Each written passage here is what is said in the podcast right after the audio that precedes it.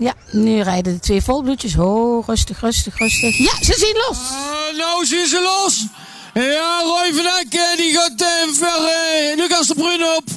En Pertje van Bart komt nou eigenlijk pas verzoenlijk op stoom. Roy van Eck als tweede. Lucas de Brun ligt achterop. En die wordt anderhalf, twee, drie lengtes ver gereden.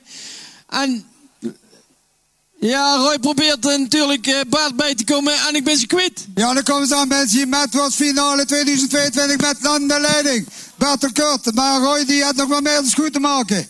En dan komt Roy van Eck aan, Bart de Kurt, en is niet op kiekerij. En uh, Roy die leidt hem stoom en dan gaat er een spannen mensen. Roy van Eck of de Kurt. Roy van Eck of de Kurt. Roy van Eck of de Kurt. Roy van Eck. Kan ik van de wet was? Bart de Kurt! Bart de Kurt versloten Roy van Eck. Winnaar van de Metwurst 2022. Dag Roy, vandaag net niet? Nee, net niet. Nee. Hoe kwam het? Uh, ja, omdat Bart gewoon een heel goed paard had. Ja, die had echt een goed paard. Ik dacht bij de finale, hij komt er nog aan Roy, je gaat er nog overheen. Ja, dat dacht ik ook. Alleen die van Bart die ging zo hard. Bij mij ging alles goed, alles ging vlekkeloos. We hebben naar mijn weten geen, nog nul fouten gemaakt.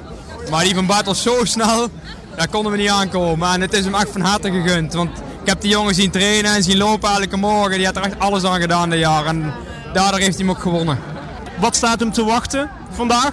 Ja, jij leeft van... Ik vind Bram Bart een goede vriend van mij. En het is prachtig dat hij dit mee mag maken. Vanaf uh, een uur geleden tot aan donderdag leef je in één grote roes. En uh, wat je meemaakt is een en al emotie, mooi en prachtig. En waarschijnlijk weet hij volgende week maandag pas echt wat er allemaal aan de hand is. Bart, na 13 keer mag ik je eindelijk feliciteren met je koningschap. Wat is er door je heen gegaan toen je het won? Ja, alles. Alles. Ik, natuurlijk, uh, op het moment van de streep, één groot, één groot euforische ja, gevoel is het gewoon. Zeker na alle ups en downs, hè, met de eerste rit, dubbel rijden. Ja, ontzettend boos zijn. Terug op pad, knop omzetten, nog een keer rijden. En vlak voor de finale nog een keer de, ja, nog een keer de start missen en ja, nog een keer die baan afleggen. Weer woede en eigenlijk teleurstelling. Maar denk uh, één keer die knop om en één keer gas geven. En als het dan lukt, nou, dat is wonderbaarlijk fantastisch. Hoe heb jij dat paard zo fit gekregen? Want ik had echt na twee keer dat hele parcours extra, een half bloednotenbenen en dan toch die twee goede volbloedjes verslaan. Ja, we hebben ontzettend, uh, ontzettend veel getraind. Ik heb een hele goede uh, stal-eigenaar, een hele goede trainer. Dus het paard stond er op het top bij. We hebben heel veel uren tijd en moeite ingestoken. Ook de Joost, Erik, Ronnie, ons pap. Met z'n allen hebben we echt heel veel uren erin gestoken. En dat, uh, dat loont zich na vandaag.